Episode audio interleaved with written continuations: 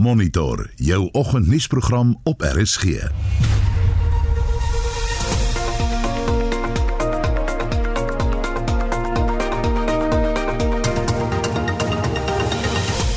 volgens die program die polisie soek steeds na 'n 11-jarige ontvoerde leerling van Mayfair in Johannesburg. SAFA begin sy eie ondersoek na wedstrydbeamptes se besluite in Bafana Bafana se kragmeting teen Ghana. Ons praat met 'n terreurdeskundige oor die voortsleepende geweld in Mosambiek se Cabo Delgado provinsie en Sober en skoonheid raak oud, maar spoor nog die oorlog. Ons weer die liefde weer swaarder as goud, maar die skote klap nog. Die Afrikaanse sanger teens Jordaan se stem word stil. Goeiemôre, ek is Oudo Karelse. en ek is Anita Visser baie welkom by Monitor.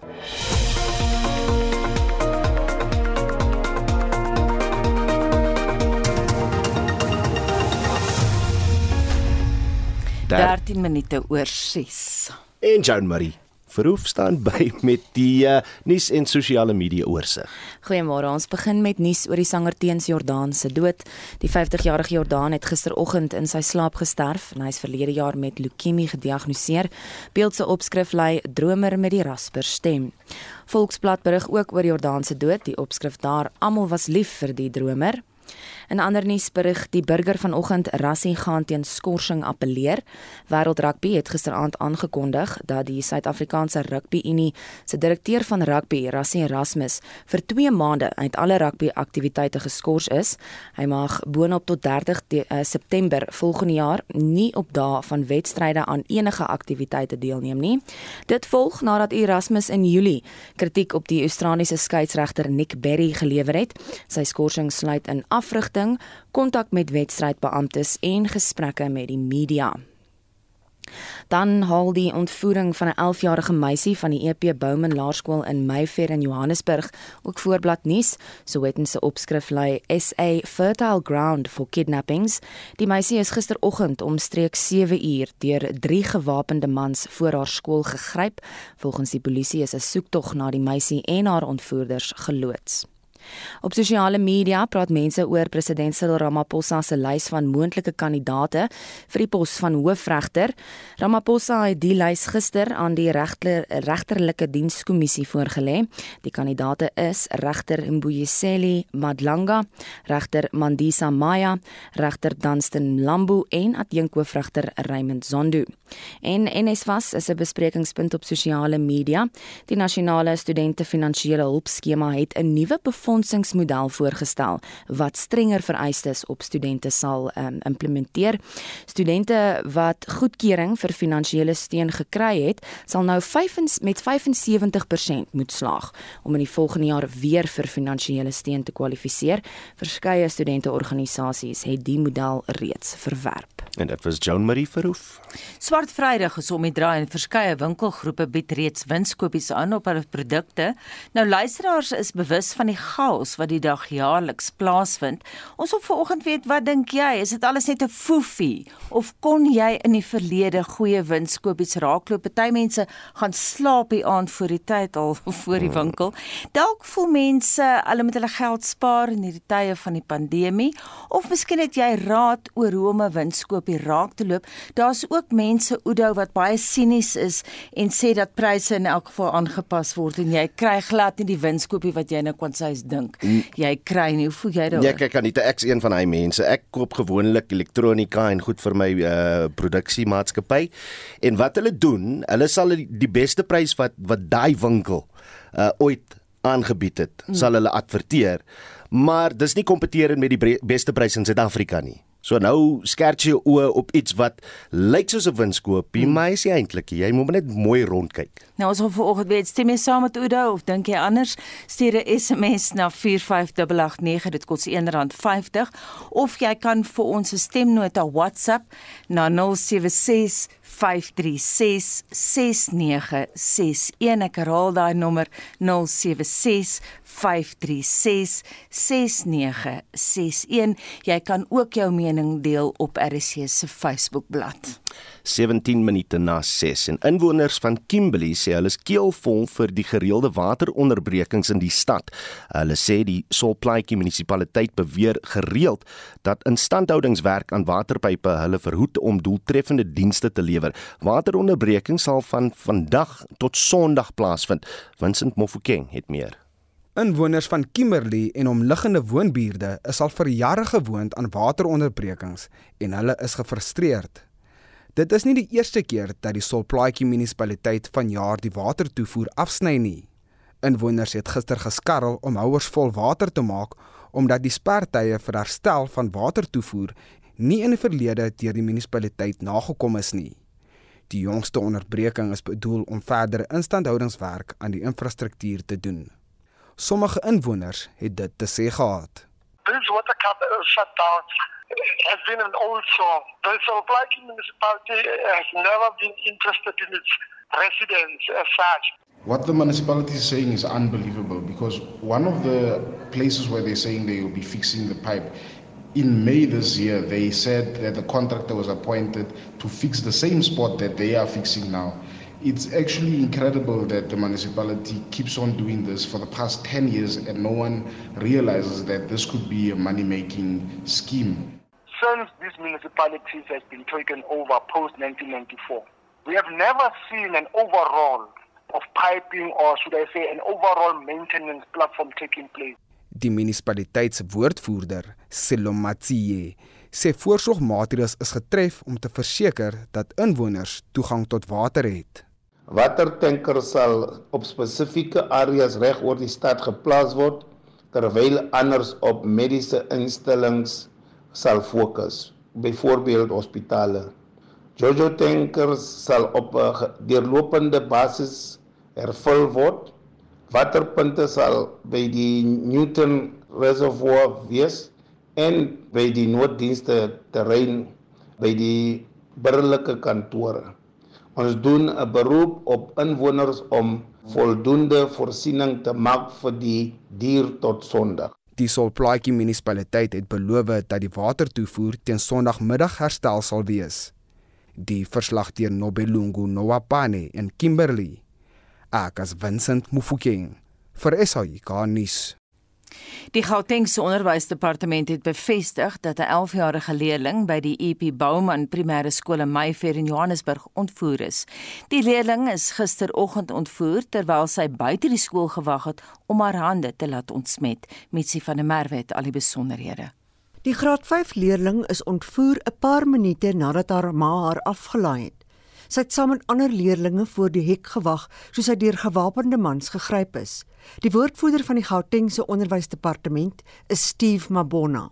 The Gauteng Education MEC, Mr. Panyaza Lesufi, is deeply concerned about an alleged kidnapping of a grade 5 girl learner. It is alleged that an 11-year-old girl learner at EP Baumam Primary School in Mayfair, that is Johannesburg, was kidnapped at gunpoint by allegedly three males in a silver Toyota Yaris. Police were informed and they are investigating circumstances surrounding this incident.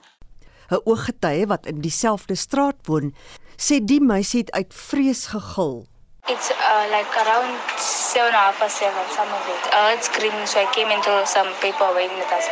Then I saw a child screaming, then, like, then I saw a big man with a gun, then all cars was just standing like that. So, yeah, then the child was screaming, so they just took the child and went off.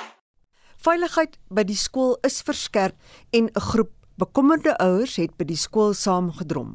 'n Ouer van Nelly Dlamini wat ook 'n seun in graad 5 het, het haar kommer gedeel. We were helpless because they didn't give us information at the time. They just said that closing the gates they would contact us. So it was very terrifying because even now I was looking for my son.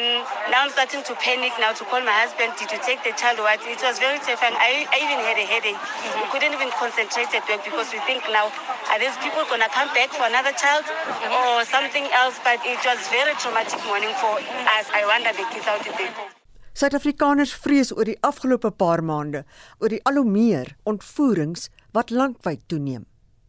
Die teenmisdaadaktivis Yusuf Abramji sê dit is 'n tendens wat dringende ingryping vereis. This is a concern to the extent that I've made a call on President Cyril Ramaphosa to now personally intervene and bring an end to the kidnappings. Uh, the police inefficiencies are of concern, and I think it's contributing to the growing number of incidents of kidnappings we are seeing.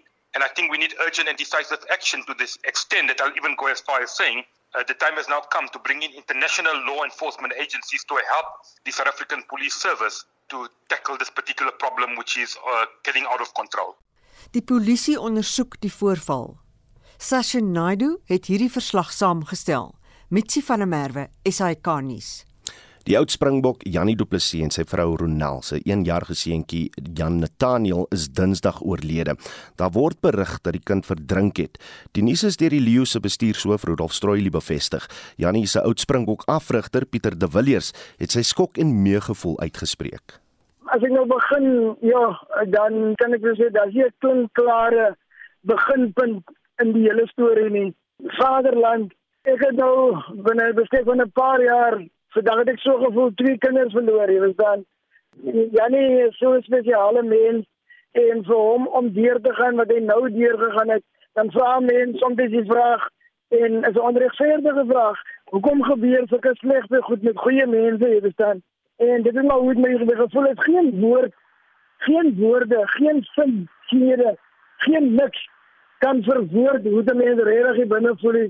En daarom het ek ook nie woorde om vir Janie te troos nie maar ek het een ding om hom te sê, ek bid vir hom. En gepraat van jou kinders self, hoe het hy jou gehelp gedurende, jy weet, jou moeilike tyd?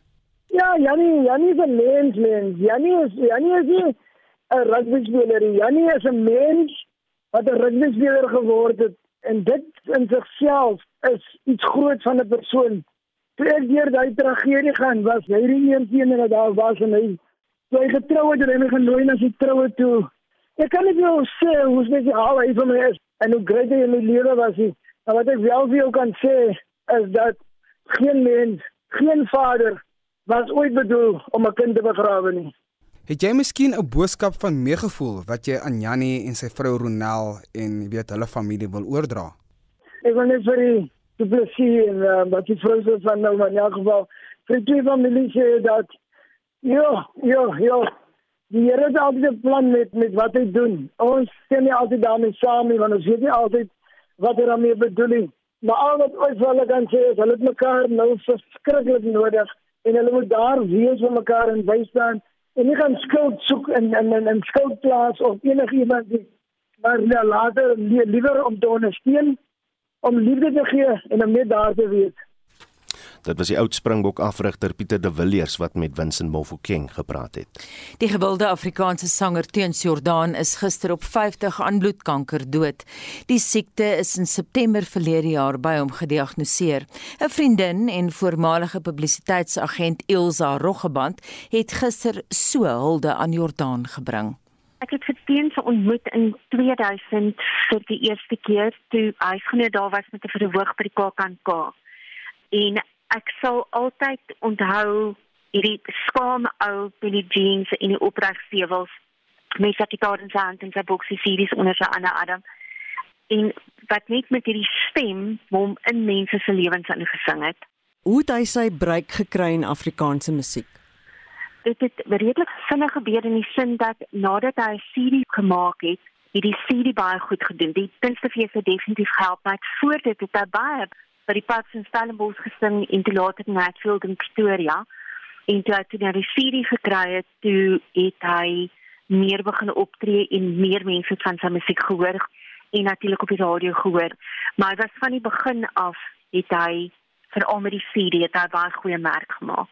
Wat dink jy was sy hoogtepunt in sy loopbaan? Daar was verskeie. Die mense gaan met 'n paar uitlig. Dis definitief toe hy sy persoonlike verkope oor die miljoen per gegaan het. Dit was 'n groot oomblik. Toe hy in 2013 die SAMA toekenning gewen het as die topverkoper in die land, daar was 'n groot oomblik vir hom en net groot konserte. Dit ek meen ek kan onthou teens was nog onbekende kunstenaar eintlik toe hy genoem toe ons hom vir in 2000 vir die eerste keer gebruik het vir skouspel. En later van tyd was hy amper die een vir wie mense kaartjies gekoop het om te kom kyk so ek dink daar was verskeie hoogtepunte, maar eintlik was hy 'n man wat nie gehou het van baie aandag nie. En hy het nie musiek gemaak om aandag te kry nie. En dit sal ek ook van hom onthou. Ilse, wat dink jy was sy bydrae tot Afrikaanse musiek in die tyd wat hy dit gedoen het?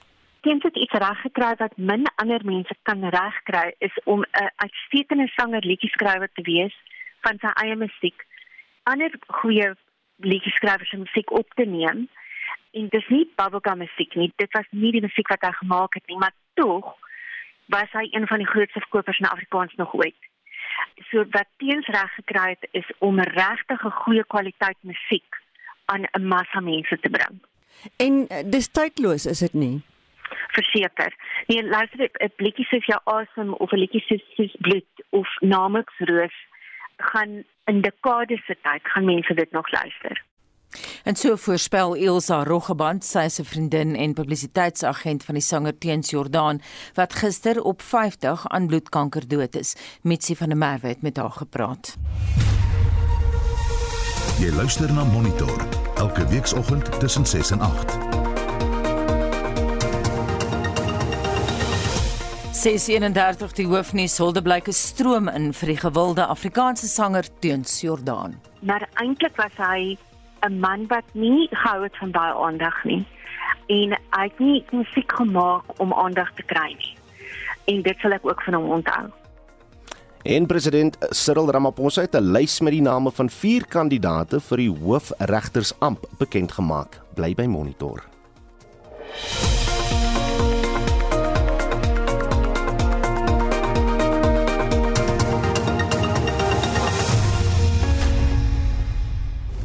Intussen praat ons oor Swart Vrydag wat sê die luisteraars Johnny.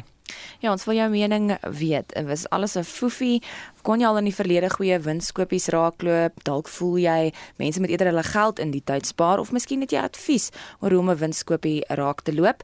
Net hier op die SMS-lyn skryf Swart Vrydag is meer vir die gegoedes, nie vir die groepe met lae inkomste nie, trek reeds swaar met hoë voedselpryse. Ursula skryf op Facebook: "Daar is nie eintlik 'n verskil in die pryse nie. Mense word gelok met die koop in groot maat en nou lyk dit asof dit so goedkoop is.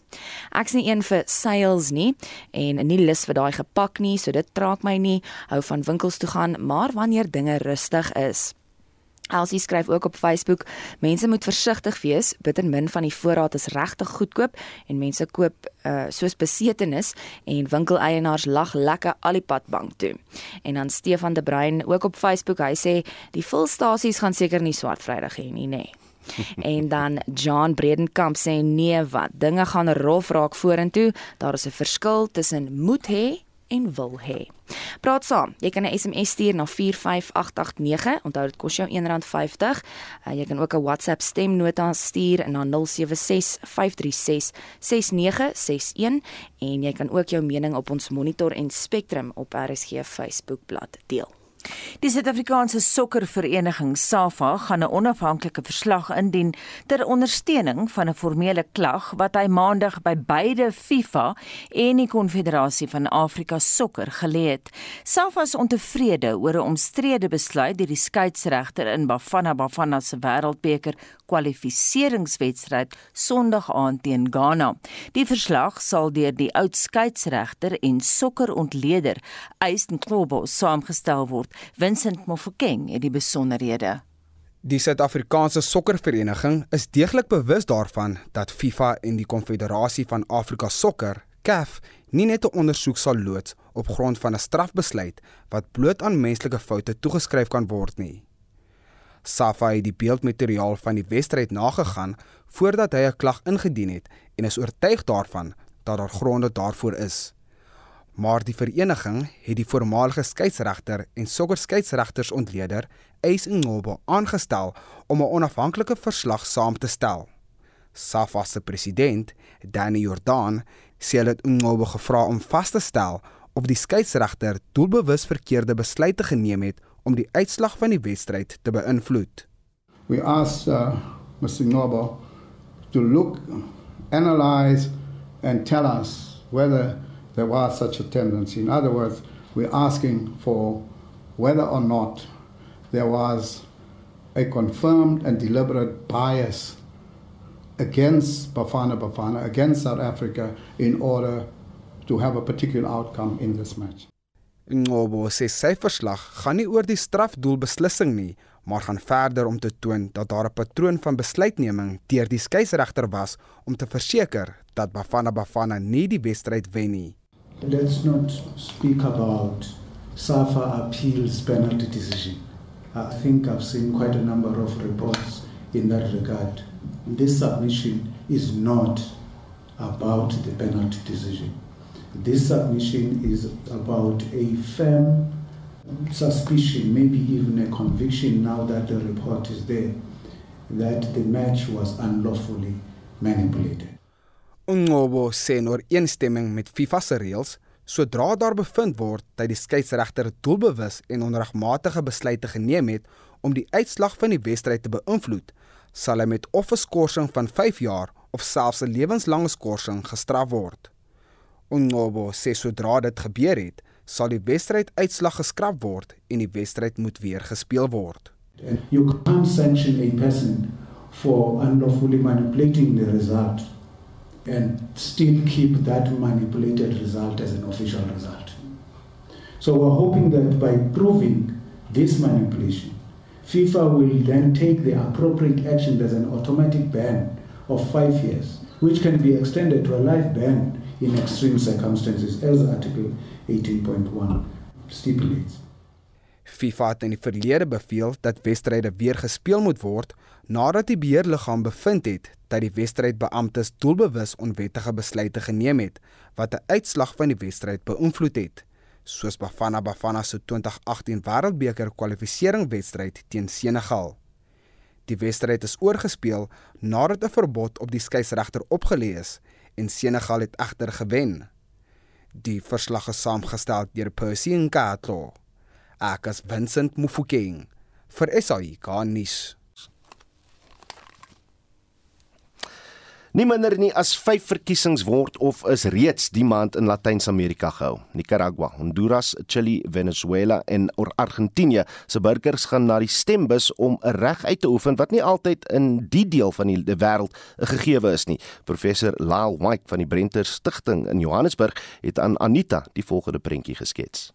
Die wenkbroue het behoorlik gelig toe die politieke oppositie in Caracas aangekondig het dat hulle teen alle verwagting wel sal deelneem aan Sondag se verkiesing. Professor Lyle White, wat lank in Bogotá klas gegee het, hou die hele Latyns-Amerika met 'n valkoog dop en stel veral belang in wat volgende in Venezuela gaan gebeur. These are regional elections similar to ours that we experienced in South Africa more recently. It is a strange thing to take place in a country that is widely seen as an autocracy. But this is an interesting and a very, very important election because the opposition parties will participate once again in these elections. Die feit dat die beleerde land se oppositiepartye wel gaan deelneem aan die politieke proses, verbreek 'n patroon en trek sommer baie media-aandag in Suid-Amerika. In Venezuela staan president Nicolas Maduro se gewildheid tans op onder die 10%, wat sy politieke vyande dalk net 'n voet in die deur kan gee. Opposition parties in Venezuela have periodically stayed out of the elections. They've protested against these elections claiming they are not democratic and it flies in the face of democracy itself. But the opposition parties have come together in what they have called the maximum pressure campaign against President Nicolas Maduro's administration, applying the necessary pressure to try and shift him off his autocratic pedestal at the moment. Die feit dat hulle saam staan, kan ook 'n verdere hupstoot gee aan die oppositie se pogings om Nicolas Maduro uit die stoel te lig. You must remember that the opposition parties in Venezuela have traditionally been fragmented, and that's why they've failed to actually engage and confront the Maduro administration over the last few years. But for the first time ever, the opposition parties have come together, and people in Venezuela are just simply tired of the country that's literally collapsed. It's a failed state, got the highest levels of inflation in the world, and this has been going on for the last three or four years. Dis nie net Venezuela waar demokrasie sukkel om politieke staanplek te kry nie. Nicaragua se Daniel Ortega het in die pas afgelope verkiesing kwansuis skoonskip gemaak.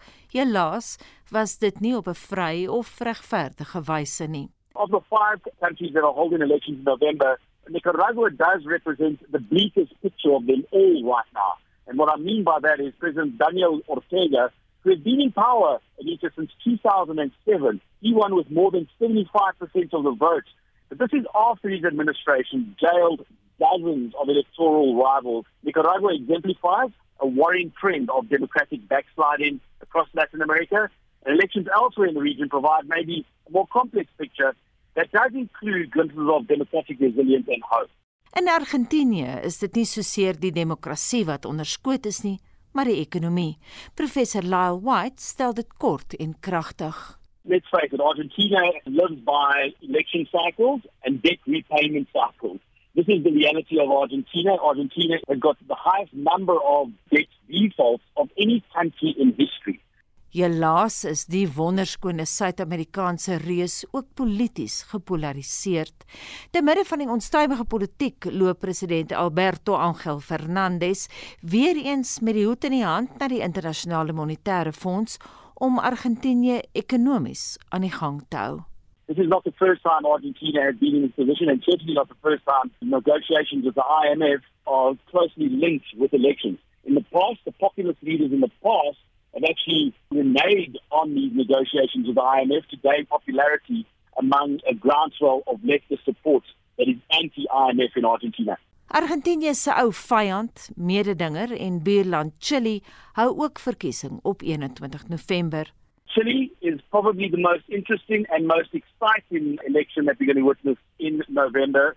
This is one of the most relevant elections, not only because Chile is a, a country of relevant size, but it has historically been the best performing country economically in Latin America over the last two to three decades. And in recent years, Chile has been plagued by rising protests, opposition to uh, the constitution, which was literally drawn up in the era of the dictator Pinochet. And the big question is, will Chile move to the left or to the right? Die vraag wat professor White stel is tydig omdat die spesifieke verkiesing een is waar Chile se jong Turke dalk die politieke skaakbord heeltemal gaan verander.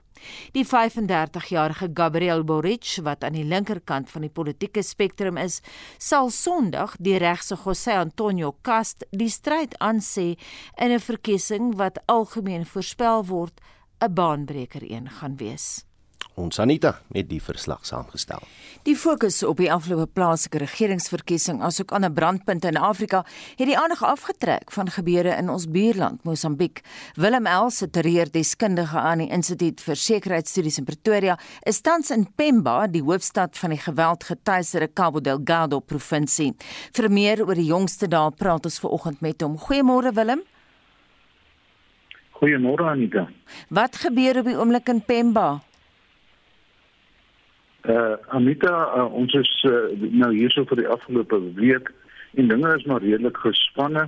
Uh ons weet dat uh, sedert uh, die uh, die insurgente uit uh, uit die twee uh, distrikte van Osanasimboa de Praia sowel as Palma uitgebreek is, het hulle natuurlik uh, uh versprei in die ander distrikte en die mense hierso is redelik uh span uh, vol vol spanning in in in, in terme van dat hulle hulle verwag dat daar hier enigiets kan gebeur. So daar's 'n baie hoë sigbaarheid van polisie en weermag en natuurlik word die kort kort gestop waar jy gaan. Jy sê nou die insurgente is wel uitgedryf vanuit Cabo Delgado. Gaan hulle nou suid? Waarheen gaan hulle? Uh, ja, hulle het hulle het suid en natuurlik ook wes gegaan. Daar was uh, sprake dat uh, sommige nou ook ontplooi het in die buurprovinsie van Nyasa, want uh, dit is nou waar hulle ook vermoed dat hulle gaan daar probeer uh, om om om, om vas vasgop plek te kry. So uh, natuurlik ook suid uh, die uh, net die, die naby in uh, Pemba aan die ander kant van die baie is met Tush, net noord van die Tush is die die nasionale park En uh, ons was uh, gister uh, met Tush geweest. Ons het daarvan die veldwagters gekry wat veronderstel is om in die park te wees en hulle sê hulle het ook nou gevlug na die vlugtelingskant toe omdat hulle ook onder aanvalle gedeurloop van die van die insurgente. So dit is nie baie ver van Pemba nie. Ek is baie bly jy praat oor vlugtelingkampe want ek wil ook daaroor praat. Julle was nou in die kampe gewees die afgelope tyd. Wat sê die mense daar? Hoeveel kampe is daar Willem? Uh, jong, hier is vreeslik baie kampe in terme van Matush self was ons in, in drie verskillende kampe gewees. Maar in Pemba ook, uh, hier dis 'n groot kamp in Pemba wat ons opgemerk het, maar uh, die die hoeveelheid eh uh, eh uh, uh, ver, ver, verplaaste mense of eh uh, IDP's in Engels eh uh, het uh, het ongelooflik toegeneem en waar jy ook al gaan in die gebiede veral in die in die in die, in die uh, uh, die informele uh, kampe is uh, die mense het oral in die agterklasse van die mense wat hulle ken het hulle het hulle natuurlik vir hulle huisies gebou en en en, en skirplekke opgesit. So hier's ongelooflike toeloop van mense sedert ek hier was 3 jaar gelede. Van waar so, kom hulle oral? Is daar van Willem, ekskuus, van waar kom van waar kom hierdie vlugtlinge oral? En jong die mense wat ons uh, die afgelope paar dae 'n uh, uh, uh, bietjie ondervra het en die gesels het is van Palma, hulle is van van Msimboa de Praia, van Makumia, uh van Kasinga. So hulle is eintlik van van al die geaffekteerde gebiede in in die noorde van die in die noordooste van die provinsie. En wat sê hulle vir julle? Jong, dit dit is ongelooflik die die die hopeloosheid van die mense, jy weet, uh, hulle hulle word rondgegooi, hulle word gedruk in kampe, hulle word gedruk uh, om om om nou uh, baie van hulle vryhede tuis te prys te gee dan dan opsigte van van hoe hulle beweeg uh, ensovoorts. Want hulle is ook nou natuurlik afhanklik van van uit uh, van van uh, voedsel en al die klas van pakkies wat hulle kry. Uh, en uh, die mense wat hulle vir ons sê is die oorlog moet nou verbykom, hulle wil huis toe gaan. As jy sê hulle word beperk in terme van beweging, wat bedoel jy? Die die regering probeer die mense baie uh, in in uh, sekere gebiede hou wat ons gesien het ook in die uh, in in Matush is dat die mense van verskillende uh, distrikte in die noorde word in verskillende kampe gesit. Hulle word uh, hulle natuurlik om te beweeg het hulle papiere en dokumente nodig. Daar's lang rye by die kampe waar mense met tou staan vir dokumente en sodat daai dokumente kan hulle beweeg nie. Daar's baie stoppunte van die weermag en die polisie en hulle kan dan ook nie beweeg oor die gebiede as hulle nie dokumentasie het nie. Baie van hulle het gevlug sonder dokumentasie. So hulle word maar beperk tot die kampe waar hulle is. Is meeste van hulle landbouers? Baie van hulle is landbouers, baie van hulle is vissers, baie van hulle is uh, is informele handelaars en kleinhandelaars van van uh, materiaal en al die ander dinge. Want ons is hierso op die antieke handelsroete van wat wat Kingswell opgaan. So baie van die mense op die kus is maar handelaars. So uh, hulle probeer 'n lewe maak om enigiets te verkoop en en te koop hierso net om om 'n lewe te maak. Willem, daar is nou verskeie noodlenigingsorganisasies daar onder meer die Rooi Kruis, die Wêreldvoedselprogram, die Katolieke Kerk en daar sekere moslemorganisasies. Hoe gekoördineerd is hulle pogings om die mense van Cabo Delgado te help? Uh, Annika, ons sien dat daar 'n baie groot poging van almal om te help want hulle sien natuurlik hoe desperaat die situasie is op die grond. Maar uh, in in ons ondervinding soos ons met die mense gesels het, lyk dit of daar nie altyd die koördinasie op die grond is wat daar behoort te wees nie. En natuurlik uh, lei dit tot ongelukkigheid onder die mense vir uh, onder andere vir baie van die kampe wat van van die oorwegend uh, moslim uh, agter uh, distrikte afkom.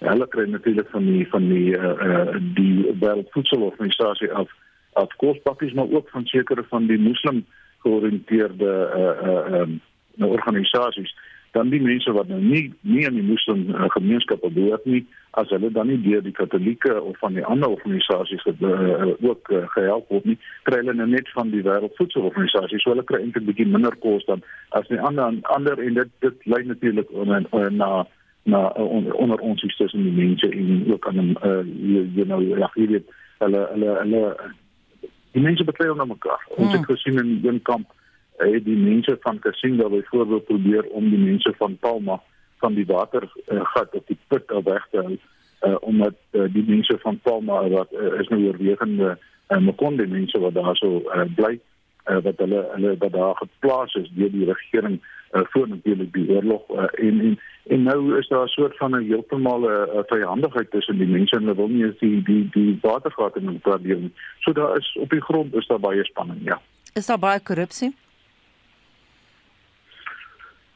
Anita ongelukkig so. Uh van die mense het ook gesels dat uh, jy weet as hulle moet aansoek doen om uh, om om 'n klein enetjie om 'n besigheid te begin of net om aan die gang te kom met hulle sekere dokumentasie wat wat met gratis verskyn word verskaf word deur die noodleergangsorganisasies dan moet hulle nou 300 metrica's betaal net om die uh, fondse te kry. Dit is oorwegend by jou tradisionele stamhoofde wat dan wat dan die uh, die die vorms kan uitdeel. So tot op die op die laaste vlak lyk dit blyk dit dat dat, dat korrupsie regtig besig is om die mense te ondermyn. Spice Cooken wat jy vertel dat mense verhoed word om water te kry, maar ek wil terugkom na kosvoorsiening toe. Dit gaan sekerlik bemoeilik word as die reenseisoen kom, nê? Nee? Ongelooflik uh, beslis uh, Anita, jy weet die die reenseisoen in hierdie deel van die wêreld is is, is monsoonreën, uh, reën sodat dit is aanhoudende uh, reën met baie hoë wind ek so en so. So uh, Mosambiek en hierdie gebiede is is 'n baie plat aarde. So die water vloei nie baie van see toe nie. So so jy het 'n fisieke vinnige opdamming van water oral. Wat dan natuurlik ook lei met jou oorbevonkeling en bevolking en die die infrastruktuur wat onder druk is as gevolg van die oor, oorweldiging van die van die mense wat die net toe gevlug is. Uh, dan uh, gaan uh, ons ons voorsien dat daar heel waarskynlik dan uh, groot probleme met kolera onder andere sal uitbreek hierso. Baie dankie. Ons sal weer opvolg in 'n ander gesprek dit dan Willem Els, 'n terreurdeskundige van die Instituut vir Sekuriteitsstudies wat vanuit Pemba in Cabo Delgado, Mosambiek met ons gepraat het. Wat sê ons luisteraars Jo Marie? Ja, ons uh, vra vanoggend jou mening oor Swart Vrydag. Is dit 'n foefie of kon jy al in die verlede goeie winskopies raakloop? Kom ons luister wat op die WhatsApp lyn gedeel word. Hierdie uh, Black Friday is sommer net 'n foefie hoor. Jy ry 40 km na 'n winkelsentrum toe of 30 km ver met die huidige petrolprys om 'n item te gaan koop, uh, sê net maar 'n oefenfiets wat wat uh, 80 rand goedkoper is as wat jy hom by die winkel naby jou kan koop. Jy is pennywise pound foolish. Moet dit doen nie. Daardie samedromming gaan 'n broeiplek wees van baie goggas. As jy wil Kersfees gesond bly, bly weg daar by daai geproe samedromming waar daar winskopies uh, beskikbaar is en wanneer dit beskikbaar is, stem die verbruiker met hulle voete. En as ek so kyk na die opkomste na hierdie swart Vrydag toe, dan is dit vir my baie duidelik dat die winkelgroepe en eienaars met miljoene banktoelag. Ek maak myself nou regtig nie moeg met 'n Black Friday nie, want al daai ou voorraad wat nooit verkoop kon word nie wat nou skielik vorentoe gestoot is, nou skielik 'n Black Friday special. Nee, dankie. Ek maak my nie moeg nie. Op Facebook skryf Patricia: Ek het Black Friday ondersteun toe my uh, kleinkinders nog weggooi doek gedra het. Dit was die moeite werd om te koop, maar nou bly ek weg uit die winkels daai dag. Dorien skryf op Facebook: Daar is deur die jaar uh, winskopies. Black Friday is net 'n foefie, dis 'n mind game. Ek lag maar net, skryf Dorien. Elise Oukamp skryf op Facebook: Dis in 'n geval in die middel van die maand, mense het nog nie salaris gekry nie. Dis hoekom dit 'n foefie is. En dan Johanna Skols wat skryf: As jy nie die pryse van goed ken nie en nie hoofrekening kan doen in die winkel nie en jy het nie plek om die ekstra goed te pak nie, dan gaan hulle jou vang. En Ina Smit wat skryf Nes Kersfees, 'n foefie en geld maak tradisie. Logika en common sense verdwyn die tyd van die jaar, spandeer geld wat hulle nie het nie op goed wat nie nodig is nie. Nou ja, jy kan saampraat vir oggend, laat ons weet wat jou mening is oor Swart Vrydag. Is dit 'n foefie of kon jy al goeie wins uh, kopies raakloop? Jy kan saampraat stuur 'n SMS, die nommer is 45889, dit kos jou R1.50. Die WhatsApp lyn se nommer is 076 536 6961. Daar kan jy vir ons 'n stemnota stuur en jy kan natuurlik ook op Facebook jou mening gaan plaas die op ons Facebookblad. Bly ingeskakel want na 7 praat ons onder meer oor kleinhandelverkope wat jaar op jaar in September met 2,1% toegeneem het. En dan praat ons rugby sake Oudo en hier dis jou kos so saam met die cricket nê. Nee. Ek dink is op die oomblik almal se kos maar ons praat met uh, Wilber Kraak van die Universiteit van Stellenbosch oor die appel wat uh, aangeteken is deur SA Rugby en uh, deur Rassie Erasmus met die skorsings wat gister deur Wêreldbeker deur of tot Wêreld Rugby uh deurgekom het. En daar's baie sterk gevoelens daaroor Oudo ons het en baie sterk gevoelens, maar ek het die die uitspraak gelees, die volledige uitspraak gelees. Vir my lyk dit asof dit baie moeilik kan wees vir Rassie Erasmus om hierdie appel te wen. En dit bring ons by 7 uur. SAK nuus. Onafhanklik, onpartydig.